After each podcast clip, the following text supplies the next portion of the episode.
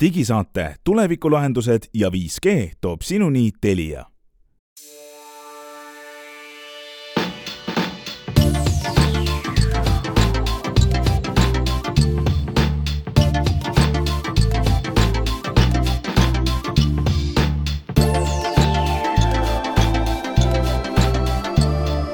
tere, head kuulajad, alustame detsembrikuu esimese nimetu digisaatega, viies detsember on täna ja saates on Hans Lõugas, Henrik Roonemaa, Glen Pilvre ja vaatame tagasi, mis on meile silma kõrva jäänud viimasest äh, nädalast tehnoloogia uudistest. ja alustame võib-olla ühe teatega Brüsselist, Euroopa Komisjon toob meile suure uudise, Eestis on aeglane internetiühendus, siis äh, üks käegakatsutav, kõrvaga kuuldav uuendus Eestis levib õhus, Eestis on võimalik kuulata üle õhu digitaalselt levivat raadiokanaleid. kuidas ajada vestlusplatvormil juttu tehisintellektiga, räägime sellest, räägime uutest kõrvaklappidest ja karpidest, mis teevad hääli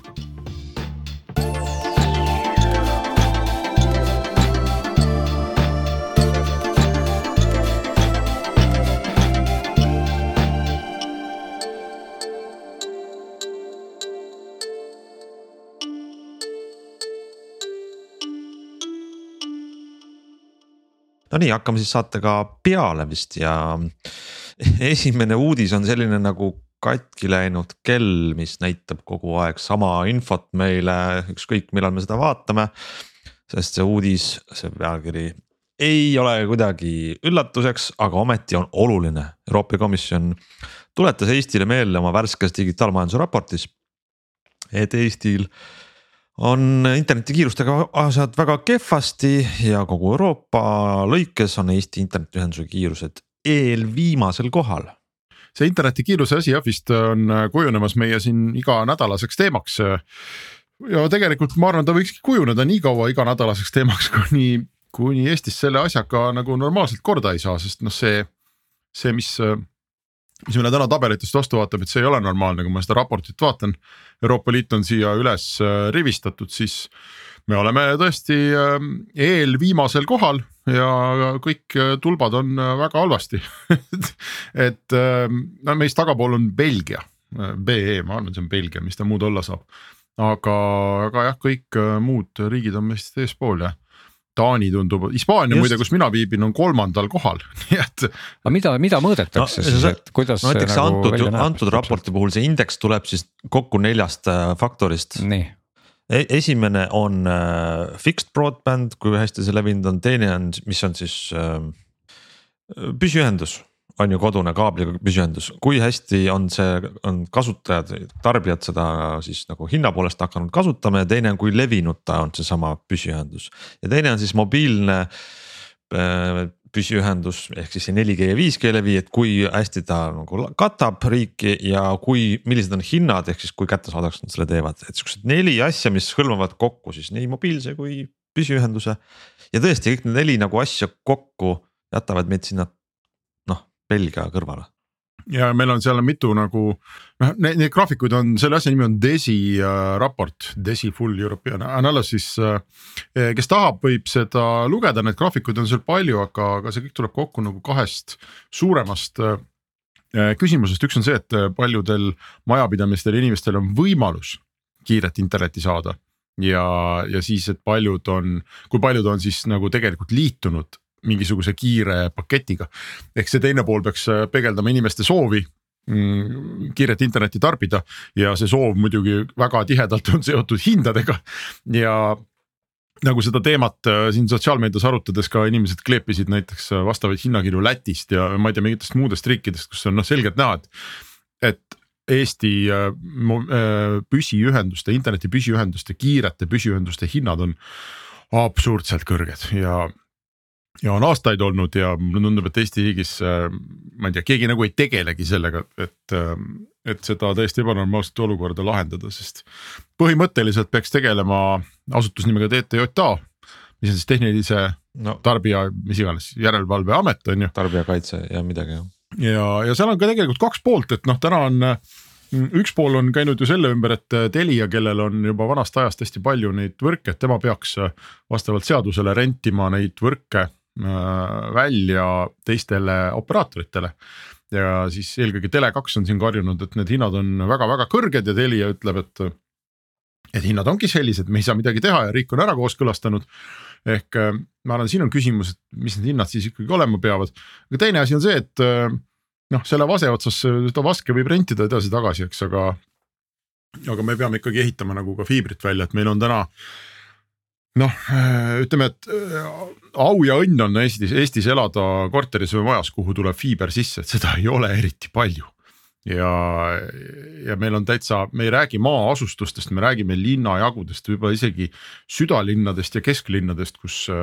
kus ei olegi võimalik saada kiiremat internetiühendust kui näiteks ma ei tea, viiskümmend megabitti sekundis alla ja mis see siis on, kümme üles või mis sealt läheb, et. et äh, noh, me võime selle Telia hinnastamise osas nagu äh, võtta erinevaid seisukohti ja, ja tõenäoliselt seal on võimalik midagi ära teha, aga noh, kui sul ei tulegi üldse majja kaablit. siis on sellest hinnastamisest ka vähe kasu ma vaatan siin praegu äh, seda hinnafaktorit muide siia vahele öeldes, et, et sellised huvitavad käärid on ikkagi selle hinna osas, et. et väidetavalt äh, maksame siis meie näiteks leedukatest rohkem kui leedukad maksavad kümnekordselt kiirema ühenduse eest. ehk et kümne gigabitine internet Leedus maksab vähem kui ühe gigabitine internet Leedus maksab vähem kui saja megabitine Eestis. vot sellised, sellised huvitavad numbrid on sellest, sellest graafikust välja loetavad, et nii jah, muidu, muidu hakkad nagu mõtlema, ei saa arugi, aga jah. lisame siia veel selle fakti, et Eestis 5G oksjon ja sageduste jaotamine ja tänu sellele võrgu ehitamine on veninud. oleme Euroopas nagu viimaste seas ja paneme need kõik kolm asju kokku, pumm ja nagu ei ole üldse uhke tunne no vot, selles mõttes vist tulebki siin jutule alla tõmmata äh, joon, et, et midagi ju. me ei näe ju ka, et lähitulevikus midagi kiiresti muutuks, nõuab suuri investeeringuid, et see pilt äh, paraneks äh, eratelekomidelt kui ka riigi poolt ja ja meil ei jää tarbijatele muud üle, kui hoida sellel pilku peal ja hoida teemat kuumana, kuigi nagu uut sõnumit ei tule, kahjuks oleme aeglased nojah, siin võiks võib-olla öelda ka seda, et, et ei, ei juhtuks hoopis niipidi, et varsti maksame meie ikka sama palju, aga leedukad avastavad, et kui toredad naabrid maksavad kümme korda rohkem, siis võiks ka hindu hoopis tõsta. Äh, mis aga viimasel nädalal Eestis siis äh, vist kahekümne viiendal või kahekümne neljandal novembril pandi tööle, see on siis ähm, paar nädalat tagasi, on Eestis hakkab, hakkas nüüd levima õhu kaudu digitaalne, digitaalsed raadiojaamad. mõnes mõttes astusime siis vana hea raadioga kahekümne esimesse sajandisse. ehk siis selle kõrval, et meil on tavalisel analoog äh, raadiolainetel levivad raadiojaamad, nüüd kellel vähegi on selline seade, mis suudab vastu võtta digiraadiot,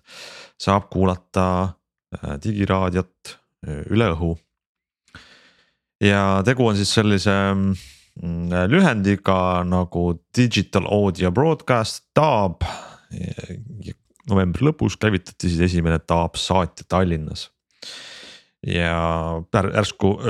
peagi peaks järgnema sellele järgmised saatjad üle Eesti teistes kohtades ka. no mina juba tean, inimesed kuulavad, kellel on autodes, ma arvan, et mulle tundub, et see on kõige sagedasem koht, kus tihti kuulatakse veel raadiot otse. ja autodes, kui sul on uuem auto, millel on digitaalse audio vastuvõtmisega raadioseade, siis. siis on võimalik sealt leida nüüd, et heli raadiolevi kas on või ei ole, mis tähendab, et selle Taabi puhul ära kadunud on see vana hea FM-i sahin. jah, või siis võib sinna ka lisanduda lihtsalt selline, kuidas ma ütlen, selline hakkiv, ähm, hakkiv efekt samamoodi, aga muidugi noh, e-, eks siin võib öelda nagu saateks selle kohta nii palju, et, et Euroopas on ta ju paljudes maades olemas, on olemas siin mõned sellised toredad maad nagu Norra ja. ja kas oli see Šveits või kes juba kes Šveits vist ei ole küll päris välja lülitanud, aga Norra on üldse analoogsagedused välja lülitanud. ja, ja see, see plaan, et need muidugi mingil hetkel välja lülitatakse, on, on ilmselge, aga noh, see ei juhtu nüüd täna. vähemalt Eesti lõikes kindlasti rahustatakse ka kohe siin, et, et see ei juhtu nüüd siin nagu aastate pärast, et umbes kümnest aastast on jutt, aga samal ajal paralleelselt need käigus hoida on ka ilmselgelt kulukam, nagu siin spetsialistid meile väidad, väidavad ja mis on ju täiesti arusaadav, eks ole, aga teistpidi muidugi sellesse digitaalsesse standardisse mahub lihtsalt mõõtmatult rohkem kanaleid kui vaja ja mahub ka rohkem kvaliteeti, aga, aga teistpidi on meil ilmselt ikkagi neid. kuidas ma ütlen, neid rehvivahetuspunkte jutumärkides, kus mängib mingi väike krapp seina peal ja mis ei mängi netist raadiot, on ilmselt nagu lõputult, nii et. nii et tõenäoliselt äh, sellised massid hakkavad kindlasti kohe jälle kisa tõstma, kui, kui juhtub see hetk lähemale, kus siis nagu jutumärkides rubilnik üldse välja lülitatakse, eks ole. Autod on tõenäoliselt no,. kisa tõsta ainsad neist kohtadest, kus on, kus tõesti paljudes on see DAB lühend ilmselt läbi käinud, võib-olla keegi ei ole sellesse süvenenudki, mis asi see seal on, aga, aga see enamikus autodes tõsi on jah. muide autode puhul see DAB-i levi äh, võib tähendada seda, et äh, kui sa sõidad autoga näiteks maa-alusesse parklasse või kuskile parkimismajja siis, siis seal on see äratuntav, et kui sa oled taabi, taabi pealt kuulad raadiot, siis plõks jääb vaikseks. Mitte, et äh, kuuled, et levi läheb kehvaks või ei ole just FM jaam õige sageduse peal. aga. see on selline huvitav tehnoloogia, ma ikkagi mõtlen, see, et taab, et sest on, noh, see on ka üks asi, kui me siin räägime, kus Eesti on maha jäänud, on ju, siis äh, paljudes Euroopa riikides on seda taabi kasutusel nii et vähe pole ja Eesti ei ole seda kasutusele võtnud ja. ja neid põhjuseid on mitu, üks on ka see, et kogu aeg on räägitud, et no ei tea, et äkki see raadio noh, kui selline kaob nagu üldse ära, mis, et see taab on selline noh, viimane hingetõmme mingisuguse lainetega levival raadiol, et. et kas meil seda üldse on vaja ja see kõik maksab ja mis me sellega teeme ja inimesed niikuinii ei osta neid äh, saatjaid. ja ma kahtlustan, et see võib täiesti tegelikult ka nagu tõeks osutuda, et nagu Hans ütles, et inimestel vist on need autodes, samas minul ei ole aimugi näiteks, kas minu autos on taab või ei ole või ma ei oska seda nagu kuskilt otsida. ja mul kindlasti ja, mul puudub igasugune kavatsus hakata endale ostma poest mingit taabi, mingit krappi on ju. et eh, noh, et see asi on nagu ikkagi kolinud striimi ja telefoni. et ma ei oska praegu nagu tegelikult üldse seisukohta võtta, et kas meil on seda taabi nii ilmsesti vaja või ei ole vaja ei, seda küll, aga, aga noh, ütleme, et kui paljud kuulavad seda kuulavadki täna raadiot nagu striimingus, siis ikkagi tekib see küsimus sellise, sellise odava, kuidas ma ütlen, laiatarbeseadme puhul, et, et, et kui sa oled harjunud sellega, et sa võtad mingi karbi, keerad nuppu, olgu see karp siis sul autosse sisse ehitatud või laua peal. siis hakkab sealt kostma häält ilma igasuguste liitumisteta ja muude asjadega, siis, siis muidugi täna võime just peaaegu kõiki raadioid ju kuulata üle neti ja need on ju ka mingid sagedused, mis hõljuvad õhus aga paraku need sagedused ei hõlju sinna vabalt sisse, et selle, see ongi, see ongi natuke see koht, et et ammu või noh, on ju arvatud pikka aega, et kaovad ära raadiod ja telekad või mis iganes, et. et kõik inimesed vaatavad seda, mida nad tahavad sel ajal, kus nad tahavad ja, ja ei ole vaja sellist õhku nagu reostada raadiolainetega, aga tegelikult ikkagi. noh, ilmselt nad ei kao ikkagi ära, nii et selles mõttes ma ei ole nagu päris nii pessimistlik, et. et kas see taab kui selline või selline, kuidas ma ütlen siis levi või broadcast või edastus on ilmselt ikkagi inimestele meeldib no üks asi meeldib, teine asi, ma tahan kolm asja öelda selle kohta, esiteks seal on. see raadiolevi kui sellisena on ikkagi ju noh, kuidas kõige lihtsamalt seda väljendada siis, et äh, pole tähtis, mitu inimest seda kuulab, äh, levi sellest ei halvene, on ju, et see on nagu väga efektiivne sihuke massiteabeedastusvahend ja ühel normaalsel riigil, Rahvusringhääling võiks seda edastada. teiseks on see, et Taab on kindlasti, nagu sa ütlesid juba, Glen, see on efektiivsem, sa võtad lihtsalt palju vähem et, nagu sagedusi kasutad selleks, et sama hulka raadiokanaleid edastada ja, ja ja mõnes mõttes, ega me ei peagi mõtlema selle peale, kas minu näiteks autoraadio seda toetab või mitte, sest et äh, õnneks on, ma ütlen õnneks siiralt. Äh, Euroopa Komisjon on äh, käskinud, et uutes autodes peab olema taab sees, sest noh, autoraadio vahetamine on nagu tüütu või raske ikkagi, see on mingi kuskil pead teenindusse minema ja kuidas see käib. aga viimaseks, kui sul on nii-öelda käsi kaasaskantav raadio, noh kellel seda on, krapp seina peal, nagu sa ütlesid aga, aga ühes kontekstis on see muutunud viimasel ajal oluliseks, öeldakse, et äh, äh, selline teadlik kodanik, valmista endale ette igaks juhuks selline kriisivaru koju, pane keldrisse kasvõi kast, kui on elekter ära või mingi suurem jama on, siis sul on sealt võtta ja seal võiks olla üks raadio. Äh, et sa saaks kuulata neid teateid, mis tuleb, kui näiteks ei ole mobiililevi ja elektrit. ja ma vaatan poodides selline kaasaskantav väike krapp mis on ainult FM-i peal ehk siis analoograadio on kakskümmend eurot ja paned sinna natukene juurde, vist kolmkümmend, nelikümmend eurot on siuksed väga korralikult juba ka Taabi toega need raadiod, nii et. ma arvan, et siin on muide üks. keldris olemas. üks argument võib siin veel olla, nimelt Need on alati meediamaastikul me,, meediainimesed teavad, kui vist on kultuuriministeerium, kes jaotab neid FM-i litsentse. eks, et see sagedusala on piiratud ja Glen ütleb peast, et mis, mis hertsist, mis hertsini see läheb, aga seal ma ei tea, saja kümneni või midagi sellist. tegelikult ei, tegelikult ei ütle praegu, natuke kõrgem on ta vist jah, kui. no ja ühesõnaga noh, suures pildis üheksakümmend kuni sada, eks ole, on see üheksakümmend kuni sada kümme on see vahemik. et need litsentsid, FM-i litsentsid, et teha oma raadio Eestisse, mis leviks üleriigiliselt. Need on äh, väga keeruline saada ja näiteks kui minul, Hansul ja Glenil tekiks mõte, et me teeme, ma ei tea, raadio, mis mängib muusikat ja ja annab eetrisse digisaadet, eks ole, see levib üle Eesti, siis noh, me täna seda lihtsalt teha ei saa, see on sisuliselt meie jaoks võimatu. kui nüüd äh, Taap peaks tulema ja neid sagedusi peaks ju vabanema, ehk noh samasse sagedusse saad rohkem infot panna siis mulle tundub täiesti reaalne, et äh, mina, sina ja või mina ja teie saame oma raadiot hakata tegema, eks. või et, et raadio, üleriigiliste raadiojaamade hulk võib äh, hüppeliselt suureneda, nagu kunagi suurenes, mäletate, telekanalite hulk tekkisid ju iga, igasugused, igasugused uued telejaamad Eestisse ja see, see võiks juhtuda ka raadiomaastikul. nojah, igal, igal juhul peab muidugi ka raadiot tehes arvestama, et ega see tasuvuse ja kogu äriplaan peab seal taga ikkagi töötama sõltumatult sellest, on ta siis taav või, või analoog ja. ja samas, kui ma vaatan ka muidugi hindu siin juba Ants neid mainis, et, et tegelikult hinnad algavad isegi altpoolt, nii et kui täna on tahtmist selline krapp saada, siis noh, Amazonist võib lausa kolmekümne euroga saada omale Taabi krapi ka ja, ja on siin sees neil Bluetooth kõlar veel lisaks ja igasugust funktsionaalsust veel nagu kamaluga, nii et selles mõttes ei ole, ei ole üldse asi hull, et ei saa öelda, et tavaline korralik raadio kuidagipidi siis. see on, see on väike kommentaar, see on naljakas, sa kasutad sõna krapp mida võib-olla nooremad kuulajad ei tea, aga mis oma, kas, kas mitte ei tähendanud seda raadioseadet, kus sa vajaduse korral ei saanud välja lülitada, vaid keskkomitee või partei saatis sulle sõnumeid koju mingi olukorra kohta. see on muidugi hea, hea tähelepanek üldse, et ausalt mina, ma pean tunnistama, ma ei tea, mis sõna see krapp üldse on, peaks vaatama, kas see üldse õigekeelsussõnaraamatus ka on üles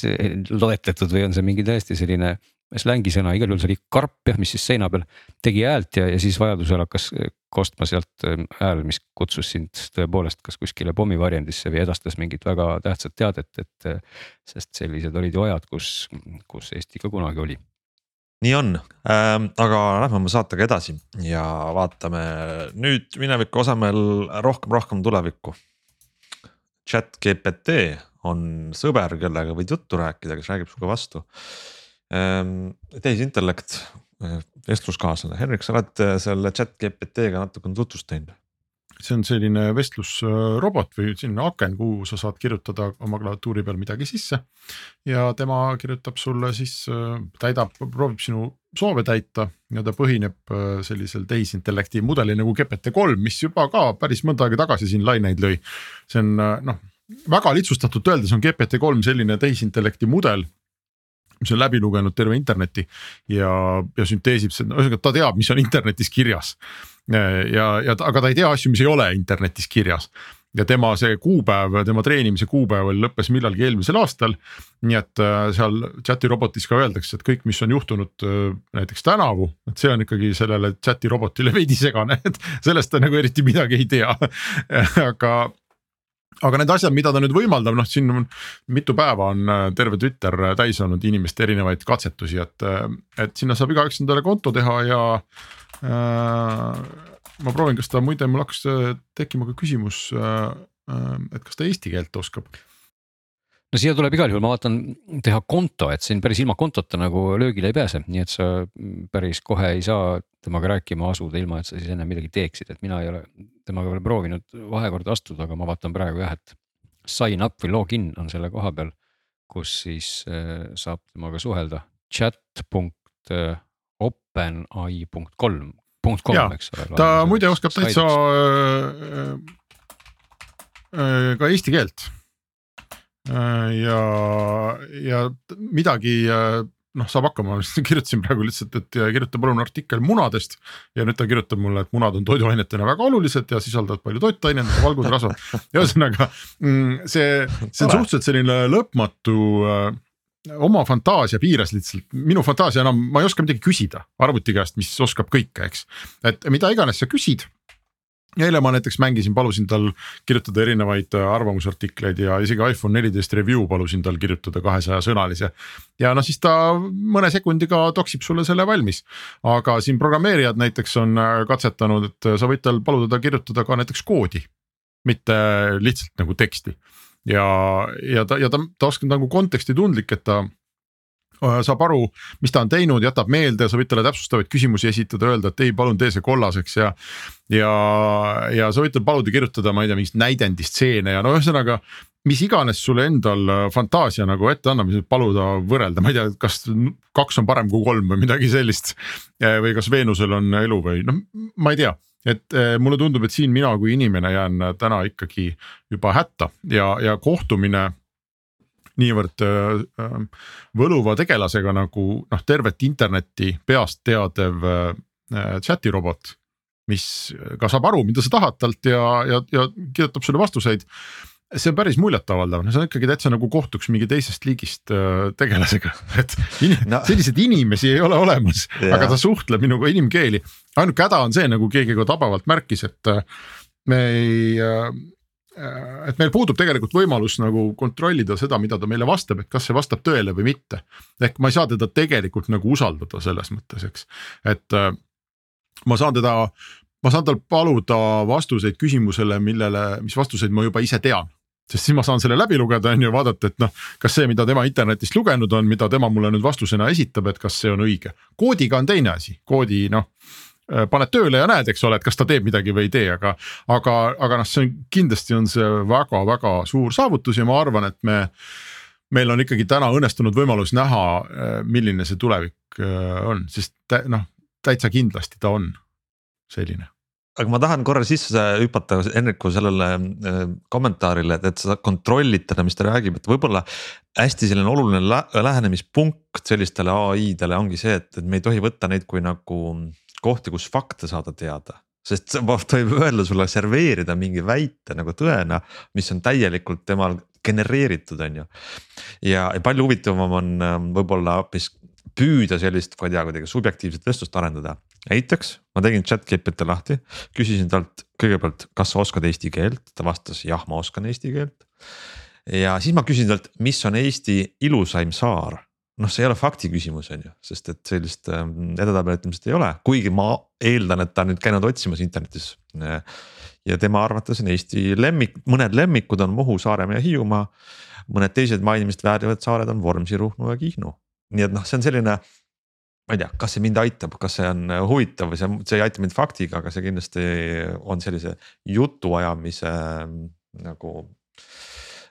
mingi, mingi subjektiivne hinnang, mida siis ta genereerib endale, et see on, see on huvitav ma muidugi proovisin siin taustal ka äh, kuidagi jõuda selleni, et temaga vestelda, aga ma pean tunnistama, et see on alguses üsna keeruline või olen mingis vales kohas, et igal juhul.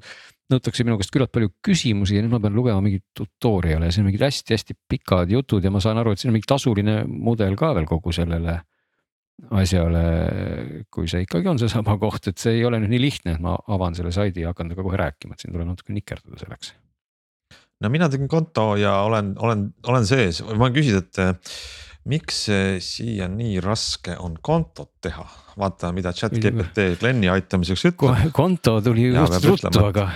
nii ja tead, mis ta vastas või? ma ei tea, kust te teate, et siin on raske kontot teha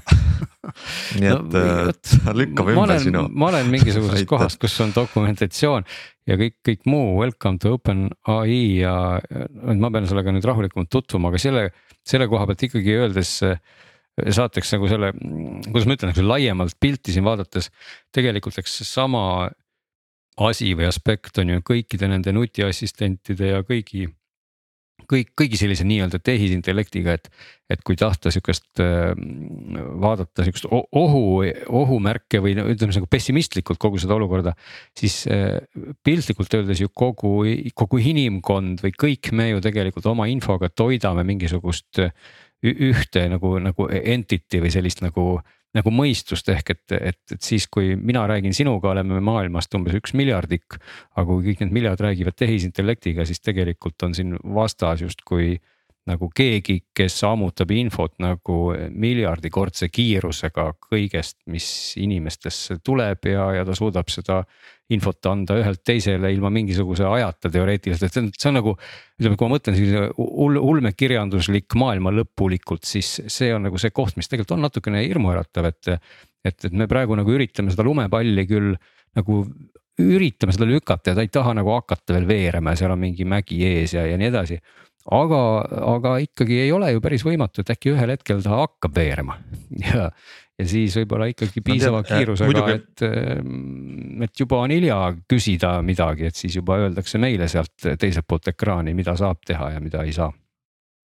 eks see OpenAI on ka selline äh, institutsioon, mis nii-öelda arendab äh, vastutustundlikult äh, nii-öelda seda tehisintellekti, et näiteks ka selles chat'is on sisse ehitatud paljud piirangud, et kust äh,. mingeid teemaarendusi, mida ta edasi ei vii, sa ei saa muuta. väga mhm. lihtne näide, ma küsisin talt, äh, kas sa sooviksid külastada Eestit, siis ta just vastab mulle, et ma olen keeleõppemudel, mitte füüsiline Äh, mis ta ütleski, isik või, tegelane ma ei ole füüsiline tegelane. ja ma küsisin talt kohe selle peale, et kas sa tahaksid saada füüsiliseks tegelaseks. no viia jutt sinna, et noh, et kas ai kui selline sooviks midagi ja, ja seal on sisse ehitatud piirid edasi, et ta isegi ei genereeri sellele siis nii-öelda mingisuguseid ähm, mõttekäike, kas see oleks võimalik, et. et see on oluline, et sa selliseid jutuajamisi, kui sa äh, lased sellel mudelil täiesti vabalt tegutseda, siis saad ka vastuseid, mis teeb inimesi ebamugavaks, on, tunduvad kohatud, ajad hirmutavad või midagi iganes, nii et. et see on nagu oluline aspekt. ja mul õnnestus ka nüüd temaga ikkagi vestlusse astuda, pean tunnistama selle jutu ajal, ma leidsin õige akna üles ja ma sain teada, et ta ütles mulle, et ta on kahekümne viie aastane. selline lugu. ja, no ühesõnaga mul on tunne, et kui kuskilt äh, sellist järgmist suurt tehnoloogiahüpet on tulemas, noh, et me oleme siin ka jauranud, äh, ma ei tea, nutitelefonidest, eks ole, nüüd varsti viisteist aastat. et äh, aitab ka, et kui kuskilt on, on järgmine suur hüpe tulemas, siis see, see tundub täitsa, et mis, mis iganes ai on, seda nimetat-, noh igasuguseid asju nimetatakse ka tänapäeval ai-ks, aga aga, aga selline masinate tarkus ja masinate võime asjadest võib-olla mitte aru saada, aga, aga asju sünteesida ja üliinimliku võimega, just nagu Glen ütles, et lasta endast seda infot läbi ja, ja noh, siis välju, välja, väljata midagi sealt. et see, ma arvan, on, me oleme väga suure sellise plahvatuse alguses praegu, seda kindlasti tasub järgnevatel aastatel silmas pidada, et, et mis selles valdkonnas toimub ja see muudab noh, see muudab ja, ikka paljutki. tõepoolest, noh seda on päris lõbus vestelda, et noh, ma küsin ka nüüd lõpetuseks veel küsisin ta käest, et mis on parim riik Mm, kus võiks elada, mille peale ta ütleb mulle väga viisakalt, et see on subjektiivne küsimus, sest parim riik sõltub inimeste eelistustest. mille peale ma küsisin, okei okay,, aga mis on parim telefon, mille peale ta ütleb mulle, et, et see on veel üks subjektiivne küsimus. sest see sõltub veel paljude inimeste eelistustest, nii et ühesõnaga ma saan seda teemat edasi arendada, tundub, et ta jälgib ka nagu konteksti, et see ei ole üldse see, et, et ta on selline küsija-vastaja, vaid. vaid siin võib ilmselt pikalt nüüd aega veeta ja no selge, äh, jätame siis äh, chat'i ai mõtlema, mis on parimad riigid ja telefonid, äh, aga et teada saada, millised on võib-olla ühed väga head klapid, selleks meil ei ole ai-d vaja, selleks on meil stuudios Glen Pilvre. Glen, ähm, sa oled nüüd ähm, kuulanud jällegi ühtede uutede huvitavate klappidega natukene muusikat. tõsi, ma võib-olla alustakski siis kohe selle ai sissejuhatusega, et sõltuvalt inimeste eelistustest võivad erinevad inimesed eelistada erinevaid müra summutavaid klappe. Glen, me ausalt öeldes, kui järgmine kord, kus meil näiteks aeg ei klapi, vaata, et me salvestame saadet, sa ei saa tulla, siis sinu asemel on chatbot ai, küll ta need hääletreenijad on muide ka olemas, nii et ega ma võin siin nalja teha, aga see ilmselt eriti ei ole nali. eh, nagu me teame, jutumärgid algavad, aktiivne mürasummutus on üldiselt üks populaarsemaid valikuid, kuna see suudab blokeerida valju heli ja hoida müra minimaalselt tasemel mulle hakkab tunduma, et mul tuleb tarkust juurde praegu iga sekundiga milli-, millised, milliseid äh, sa tutvustad maailmale nüüd selles saates mm,? Eh, täna, täna ma tutvustan eh, siis müra summutavaid kõrvaklappe nimega, nimega Sennheiser Momentum neli ja eh, miks need võib-olla on väärt tutvustamist, no tegelikult on väärt igasugused uued vidinad muidugi tutvustamist, nad on huvitavad ja ägedad. aga olgem ausad, et olen ju ikkagi pikkade aastate jooksul neid erinevaid äh, kõrvaklappe, nii summutavaid kui mitte summutavaid igasuguseid võrrelnud. ja, ja enamasti kipub kuidagi isegi olema viimasel ajal niimoodi, need kõrva nagu sisesed äh, nööbid või nupud, kuidas me ütleme. on nagu kohati olnud nagu paremad kui need suured, et nende suurte koha pealt äh, me siin kõik oleme nagu nagu eh, natuke virisenud võib-olla selle üle, et, et, et kuidagi on see hääl nagu liiga mahe või, või ei ole noh, nihuke sume ja ei ole nagu päris, eh, päris nagu. noh, kuidagi ütleme, et sound'i koha pealt ma, ühesõnaga see pikk sissejuhatus tähendas, et, et, et alati on nende kvaliteedi osas saanud nagu natukene norida. aga need Sennheiserid üllatavad nagu mind erakordselt eh, hea heliga just nimelt, et, et kui ma ei eksi, siis seni ühed parimad on olnud äh, minu hinnangul Dali IO kuued, need on mulle ka väga meeldinud.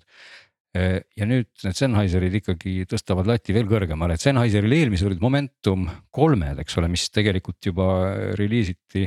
või lasti välja umbes kolm aastat tagasi või isegi rohkem, et tegelikult Sennheiser on võtnud väga rahulikult kogu seda klapi uuenduskõverat, et ei ole sugugi tormanud, et igal aastal uut mudelit ei tule. erinevalt näiteks siin ütleme, Sony kohe meenub esimesena, kes vist peaaegu, et igal aastal ju uuendab oma, oma neid kuulsaid kõrvapealseid klappe. ja, ja tegelikult ega siin noh, see heli pool ongi nagu see, miks ma olen nagu tõesti vaimustuses, et ma siin paar saadet tagasi kiitsin hullupööra neid Bose kõrvasiseseid nööpe, nuppe ja tegelikult põhimõtteliselt peaaegu seesama jutt, mis ma rääkisin nende Bosede kohta, kehtib ka väga suures osas nende Sennheiserite heli kohta just nimelt. et, nad on, nad on nii sümpaatse heliga, neil on selline madal bass ja samas sihuke piisavalt särav kõrge ja sihuke mahe keskriba. et nad on, nad on kohe hästi head kuulata, ma panin ka võrdluseks pähe needsamad Sony kõige uuemad XM mis nad nüüd on, tuhat ja neli või viis, mis see mudel lausa on, ma peast nüüd ei ütle, et see kõige viimane ja no tuleb tunnistada, et, et noh, midagi pole teha, et see, see Sennheiseri kõrvaklapp on ikka noh, ta on lihtsalt tunduvalt vähemalt minu personaalse kõrva jaoks, ma ei tea, kuidas selle tehisintellektiga oleks, on ta nagu nagu väga-väga hea ja, ja, ja noh, kas just kordades, aga ta on selline särav, ta on nagu särav, tüse, mahe, et selles mõttes heli on, on see, miks, miks neid kindlasti esile tõsta ja muidugi siin on noh, kõik see muu ägedus on ka siin küljes. Eh, mida veel võib-olla esile tõsta, on aku, et need, need aku peab erakordselt hästi vastu. et ei ole katsetanud, kas see ka tõele vastab, ütleb Sennheiser, et kuni kuuskümmend tundi.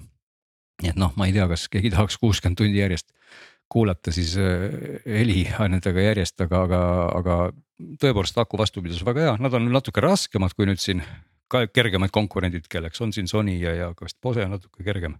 et kakssada, noh natuke alla kolmesaja grammi. aga, aga disainilt on läinud kui eelmised Sennheiserid olid jah, võib-olla niuksed nagu luksuslikumad natuke, nad on läinud ka natuke nagu tavalisemaks, aga materjalid ja kõik on, on väga head ja.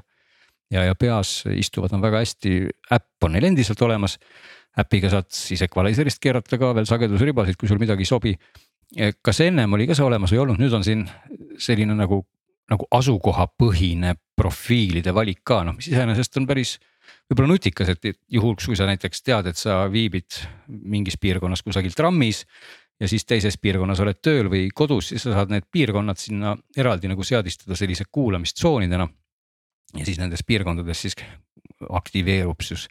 selline mürasummutus või siis kuidas see ambient. kuidas ta siis tuvastab nagu..., et mis, mis tsoonis sa oled, kas ta telefoni kaudu saab? ta tuvastab ikkagi eelkõige või... telefoni, telefoni GPS on nagu primaarne, olgugi et ta laseb neid tsoone teha ka tegelikult nii, et sa, sa ei pruugi oma asukohta jagada, aga siis. siis tõepoolest ilmselt ta proovib kuidagi aru saada, kas siis välismüra või, või mingi muu asja alusel, aga muidu ikkagi asukoha järgi jah et oih, nüüd hakkas siit midagi mängima suure hooga, oota ma palutu vaiksemaks panna, sest ma neid klappe praegu klappe parajasti siin laua peal, ai, ma ei saa neid panna vaiksemaks. midagi on kosta jah. nii, neil on nagu see, neil on nagu see pool, et kui sa neid nagu näpid, eks ole, siis tegelikult keerates nad siukseks nagu horisontaalseks, siis nad lülitavad ennast automaatselt välja. ja, ja kui sa siis keerad nad tagasi nii-öelda noh, nagu kõrvaasendisse, siis nad lülitavad ennast jälle sisse ja, ja siis hakkavad ka võib-olla kohe mängima, et need ei saa nagu päris nii-öelda kokku voltida, et ei saa siis noh, nagu Sony klappe näiteks saab, et sa keerad nad selliseks nutsakuks piltlikult öeldes, et need kopsikud ka kokku, eks ole. nii et äh, pikk jutt, aga oi jälle hakkas kohe midagi mängima, et, et see tähendab lihtsalt, et väga hea sound'iga klapid, mis äh, on siis nüüd kõrvapealsed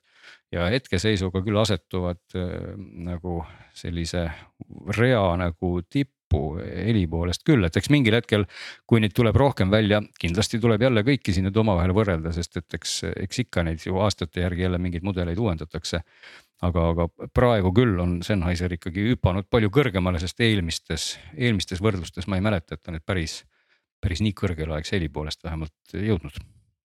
sa ise, Glen, sa ütlesid ühe huvitava asja, et tõesti viimasel ajal on need kõrvasisesed klapid nagu rohkem tähelepanu saanud ja võib-olla isegi paremad olnud. ja mulle tundub, et seda, no me oleme ise just siin viimaste nädalate jooksul juba ainuüksi kiitnud.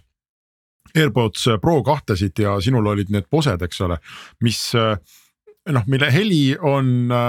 sul, sulle meeldis Bosede heli ja, ja minule meeldis ka AirPods Prode heli te, teatud teistel põhjustel, aga me mõlemad kiitsime ka mürasummutust, mis on noh absurdselt hea. et mulle tundub, et nende väikeste klappide areng on olnud nii kiire, et nad on tegelikult võtnud paljudelt inimestelt ära noh, üldse mingisuguse pointi osta neid suuri eks, et vanasti oli see, et suurtel mürasummutus oli ikkagi nagu tunduvalt parem ja kui sa tahtsid seda päris mürasummutust, siis sa ostsid suured. tassisid neid kaasas, võtsid kotis ruumi, eks ole, nägid peas veidrad välja. noh, aga lennukis kõik ärimehed istusid, eks ole, nendega, aga enam ei ole nagu mõtet ja mulle tundub, et võib-olla nendel suurtel ei olegi nagu eriti kohta enam äh, selle päikese all või kuidas sulle tundub, et miks, mis on see, mille pärast sina ostaks pigem suured? E, ja see on iseenesest äh, väga terane küsimus, et see on ka õige point, et, äh, et nad olid ja ikkagi on täna nagu üldistatuna, siis suurte kõrvapealsete kõrvaklappide mürasummutus on ikkagi parem, et loomulikult siin on juba nagu samad AirPodsid, need Bosed, ka Sony need väikesed kõrvasisesed nööbid, nupud on suhteliselt hea summutusega, aga nad ei ole ikkagi, ma ei tea, kas see on siis ehituslikult äh, või millest see kinni on, nad ei ole võrreldavad, et need. et kõrvapealsed, noh Sony omad on erakordselt, eks ole, hästi summutavad, Sennheiserid, tõsi. et see on võib-olla üks asi, kus nad jäävad natukene nendele tippudele alla, tippudeks siis võib täna nimetada. ma ütleks siis ka Boset, Sonyt ja, ja Apple'it võib-olla, kes, kes on nagu erakordselt hea mürasummutusega, aga, aga see ongi seesama koht tegelikult, et mis on sinu jaoks nagu piisav, et mina ka, kui ma vanasti mäletan, et kuskil tänaval käies ma ikkagi ka panin pähe need kõrvapealsed klapid, et saada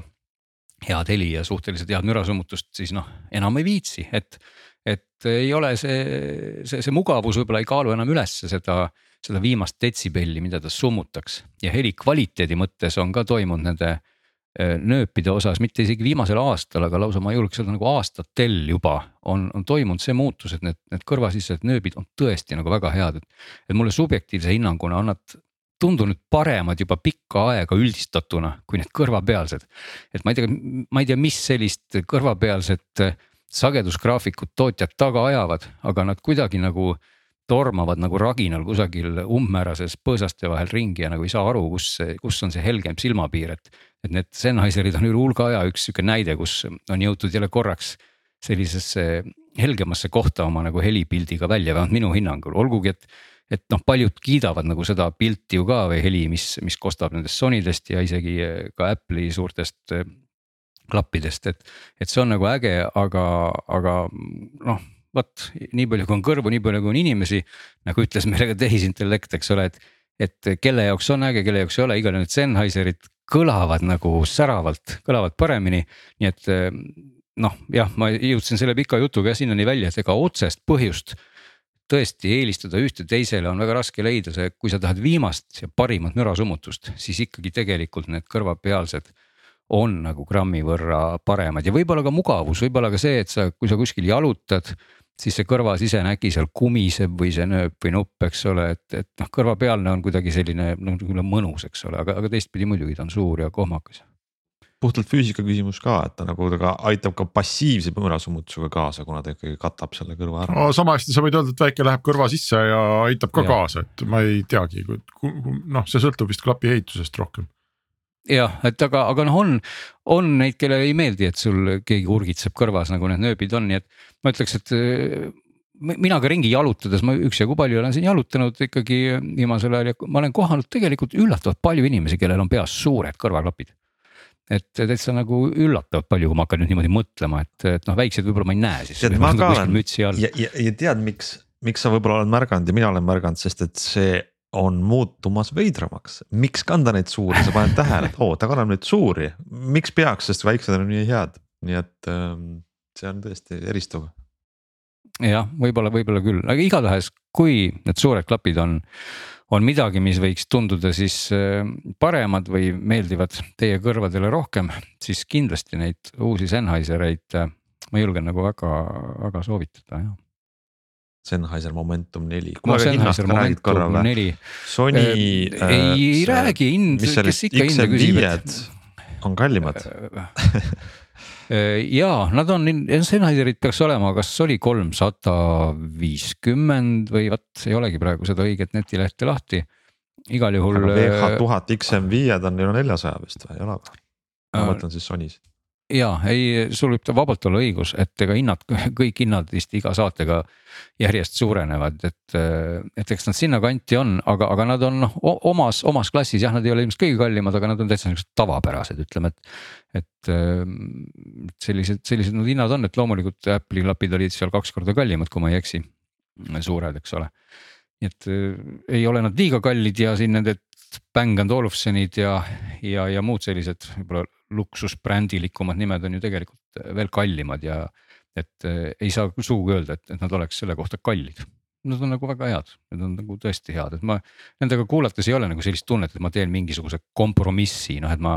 et ma nüüd mõtlen, et ah, nad soo-, nad summutavad jube hästi müra või, või ma ei tea, või nad on, mis, mis iganes, aga siis võib-olla ei kõla väga hästi, et nad kõlavad tõesti nagu siiralt hästi, et. et neid pähe pannes, noh, üks, üks sihuke hea näitaja on, kui sa paned kõrvaklapid pähe ja, ja paned midagi mängima ja kui sulle kohe ilma midagi võrdlemata tundub, et see heli ei ole päris õige, noh siis järelikult on klappidega midagi häda, aga vot nendega seda tunnet ei ole, et sa paned midagi mängima ja see midagi juba on veenev, ta on nagu mõnus, nii et nii et kannatab vabalt ka võrdlust selliste professionaalsemate stuudioklappidega, mis tõsi, mängivad võib-olla seal keskriba ja mingit asja natukene detailsemalt, aga, aga need ei pretendeerigi olema ju nagu stuudioklapid ja aptX vist oli seal olemas, kui ma praegu tehnoloogia peale mõtlesin, et tehniliste andmete peale, keda see huvitab, et koodekite poolt. nii et äh, see tähendab, et siis noh, hilistumine, latency on ka suhteliselt väike või põhimõtteliselt olematu, et võib ka nendega filme vaadata ja asju, et vot nii. selge, kuule, aga lõpetame saate veel viimase heli uudisega. väikesed karbid, mis teevad hälisid ei oskagi kuidagi rohkemat nende kohta öelda äkki sa suudad oma mikrofoni juurde demonstreerida kuulajatele seda, mis see, mis see on, kui sealt, kui. see on nagu nii, nii naljakas toode tegelikult, et, et ühesõnaga. Äh, see on nagu, see nagu tõestab järjekordselt seda, et kõik, kõik geniaalne on lihtne, et, et mitte öelda vastupidi, et. võib-olla siis kõik lihtne ei ole geniaalne, aga et, et see sai alguse umbes kümmekond aastat Saksamaal, kui ma vaatasin nagu nende leidurite ajalugu ja, ja nad tegelesid nimelt sellega, et siis meditsiinivaldkonnas või ühesõnaga vaatasid, kas saaks kuidagi helitaustaga inimeste ebameeldivaid meditsiiniprotseduure muuta siis meeldivamaks, no piltlikult öeldes, et, ma ei tea, sa lähed võib-olla hambaarsti juurde, siis keegi tõmbab su hammast välja ja kui sa just väga kõvasti ei kisa, siis taamal krooksub konn ja laulavad linnud ja, ja siis sa justkui oled, oled nagu mugavamas kohas. ja, ja, ja see ei olnud nagu päris õhust võetud väide, et väidetavalt siis ka igasugused uuringud ja muud asjad, mida natukene sel teemal oli läbi viidud, seda ka tõestasid. et, et linnulaul ja konnakrooksumine ja muud sellised loodushelid tegelikult eh, mõjuvadki, mõjuvad meil hästi. ja, ja sealt järgmine samm oli siis eh, mõelda välja, et aga, et, et kui meditsiinitubades selline karbikene häälitseb, et, et miks siis ei võiks sellist karbikest ka ka nagu tavalisele inimesele tavalises poes müüa ja, ja olemuselt siis ongi pandud väikesesse karpi siis hääl, on see siis noh, konkreetselt see nüüd oli selline tiigikõrvane, kus siis olid mõned veeloomad ja, ja mõned linnud. siis on siin olemas selline natuke intensiivsem päikesetõusu linnulaulumets eraldi karbikeses ja, ja siis on neil kolmas karbike on olemas siis selline ookeanimüha, kus siis, kus siis kostub, kostub selline selline hääl. et. Eh, okei okay,, aga see on siis ühesõnaga plastikkarbi sisse on pandud ähm, teatud väike seade, mis mängib ühte WAV faili ja, ja sul on üks karp on mere jaoks, üks karp on metsa jaoks, üks karp on konna jaoks. jah, ma, ma, ma muidugi siin juba näen, näen sellist nagu sellist konksu selles küsimuses, et mida ma ka ise küsisin, et, et miks ei võiks siis äkki olla tõesti üks karp, mis teeb kõiki neid asju ja. aga, aga siin ongi võlu nagu lihtsuses, et see karp tegelikult on, on ülimalt lihtne vidin. siin sees on patareid või akud, need on siis saadaval mõlemas versioonis ja, ja siin on peal põhimõtteliselt üks nupp ainult, kus sa siis keerad heli tugevust või siis eh, lülitad selle karbi üldse välja. ja karp ei häälitse tegelikult kogu aeg, karbi peal on, on nagu valgussensor, ütleme siis nii, noh põhimõtteliselt võib seda siis tinglikult nimetada ka liikumissensoriks. mis siis vaatab, kas, kas keegi parajasti seal karbi ees ka päriselt viibib, nii et see karp ei häälitse kogu aeg, et ta päris nagu tühja ei, ei säutsu ja, ja kui sa siis sinna lähedusse lähed või, või valgus muutub, siis kostub sealt see müha ja, ja konnad krooksuvad ja nii lihtne see ongi, et, et, et kui sa paned selle omale siis kusagile tuppa või vannituppa või kuhu iganes. siis põhimõtteliselt on selline mõnus taustaloodus sul nagu seal toas, küll aga peab ütlema et ma näen siin nagu tootearenduses päris palju kohti, mida võiks tõesti teha paremini, et üks võib-olla ongi see, et. et see liikumissensor tõepoolest nagu, nagu tahab liikumist, et kui ma nüüd seal köögis pidevalt edasi-tagasi ei vibreeri, siis ta jääb mingil hetkel vait ja, ja mulle just ongi tundunud see, et kui ma lähen sinna kööki toimetama ja seal kusagil lõikelaua taga äh, uimerdan. siis need konnad enam varsti ei krooksu ja siis ma kuidagi muutun rahutuks ja siis ma pean natuke vehkima, et nad hakkaksid jälle krooksuma, et, et seal kuidagi võiks pean lehvitama, eks ole, või ma istun kasvõi arvuti taga, ma tahan, et see võib-olla säutsuks mul seal kogu aeg, et ja noh, muidugi teine küsimus, nagu sa ütlesidki, et, et mulle meeldiks võib-olla üks karp, et miks ma peaks ostma kolm erinevat karpi, et võib-olla täna, täna konnad, homme pardid ja, ja ülehomme ookean mühiseb. aga teistpidi seal on nagu see koht, et noh, et osta siis kolm karpi, et need karbid on viiekümne eurosed. et see, see tootja, kes neid müüb, on, on Relax Sound või nagu relax ilma S-ita on seal lihtsalt X, Relax Sound. Eestis äh, on nad peaks olema siis meil täna Sony või mitte rassapoest, et saaks leti peal ja, ja noh mõte ongi see, et ei ole aetud seda toodet keeruliseks, mis ise iseenesest ilmselt ka kajastuks kohe ka hinnas on ju, et. et aga, aga selles, selles on oma geniaalsuse võlu, et need karbid seal toas siristavad, on nad kihvtid, aga, aga neid saaks isegi natuke paremaks teha, tõsi, eks ole. aga see on olnud neil sihuke üsna globaalne edulugu jah, et kümmekond või rohkem, millal aastat tagasi nad need karbid tegid ja, ja täna ilmselt, kui nüüd võib-olla kusagilt otsida ja, ja siis võiks ju sealt kuskilt Aasia maadest, nagu ma tahaks, mitte isegi tahaks, ma kardan loota, et. et, et sealt võiks neid karpe võib-olla leida selliseid, mis maksavad veel vähem ja teevad veel rohkem asju. aga esimese hooga ma isegi seda ei, seda mul nagu ette ei sattunud, et, et, et ainult sellised, sellised firma karbid või need originaalid on siis on siis need, mis täna, täna on olemas, neid saab siis riputada või, või panna kusagile ja nad on sellise erineva kujuga natukene, erinevat värvi nii et ka sellist äh, visuaalselt ei ole nad siuksed, kuidas ma ütlen, ei ole siuksed koledad, odavad, odava no, välimusega krapid. et. Äh, natukene selline düstoopiline ikkagi on, et kui ei jaksa või ei saa minna kuulama merekohinate metsa, siis paned oma kunstlikusse kunstlikusse koju kunstlikku heli, aga no see on pigem filosoofilisem mure. ei nojah, aga, aga äh, teistpidi ma siin ja teistpidi ma tahaks nagu öelda, et et paraku, paraku selles maailmas me ju elame, et televiisoris mängib kamin ja, ja siis eh, kusagilt kostab see, kostab see heli sinna taustaks ja siis võib-olla akna asemel on meil. ai-ga ja, ja seina peal on meil suur pilt, eks ole, järvest või kosest ja, ja nii see on, eks ole vot, aga see saade toodi teieni päris inimeste poolt päris jutuga, ei midagi kunstlikku sünteetilist, aga igal saatel on algus ja lõpp, lõpp on käes, uus algus tuleb nädala aja pärast, aitäh teile kuulamast ja head aega.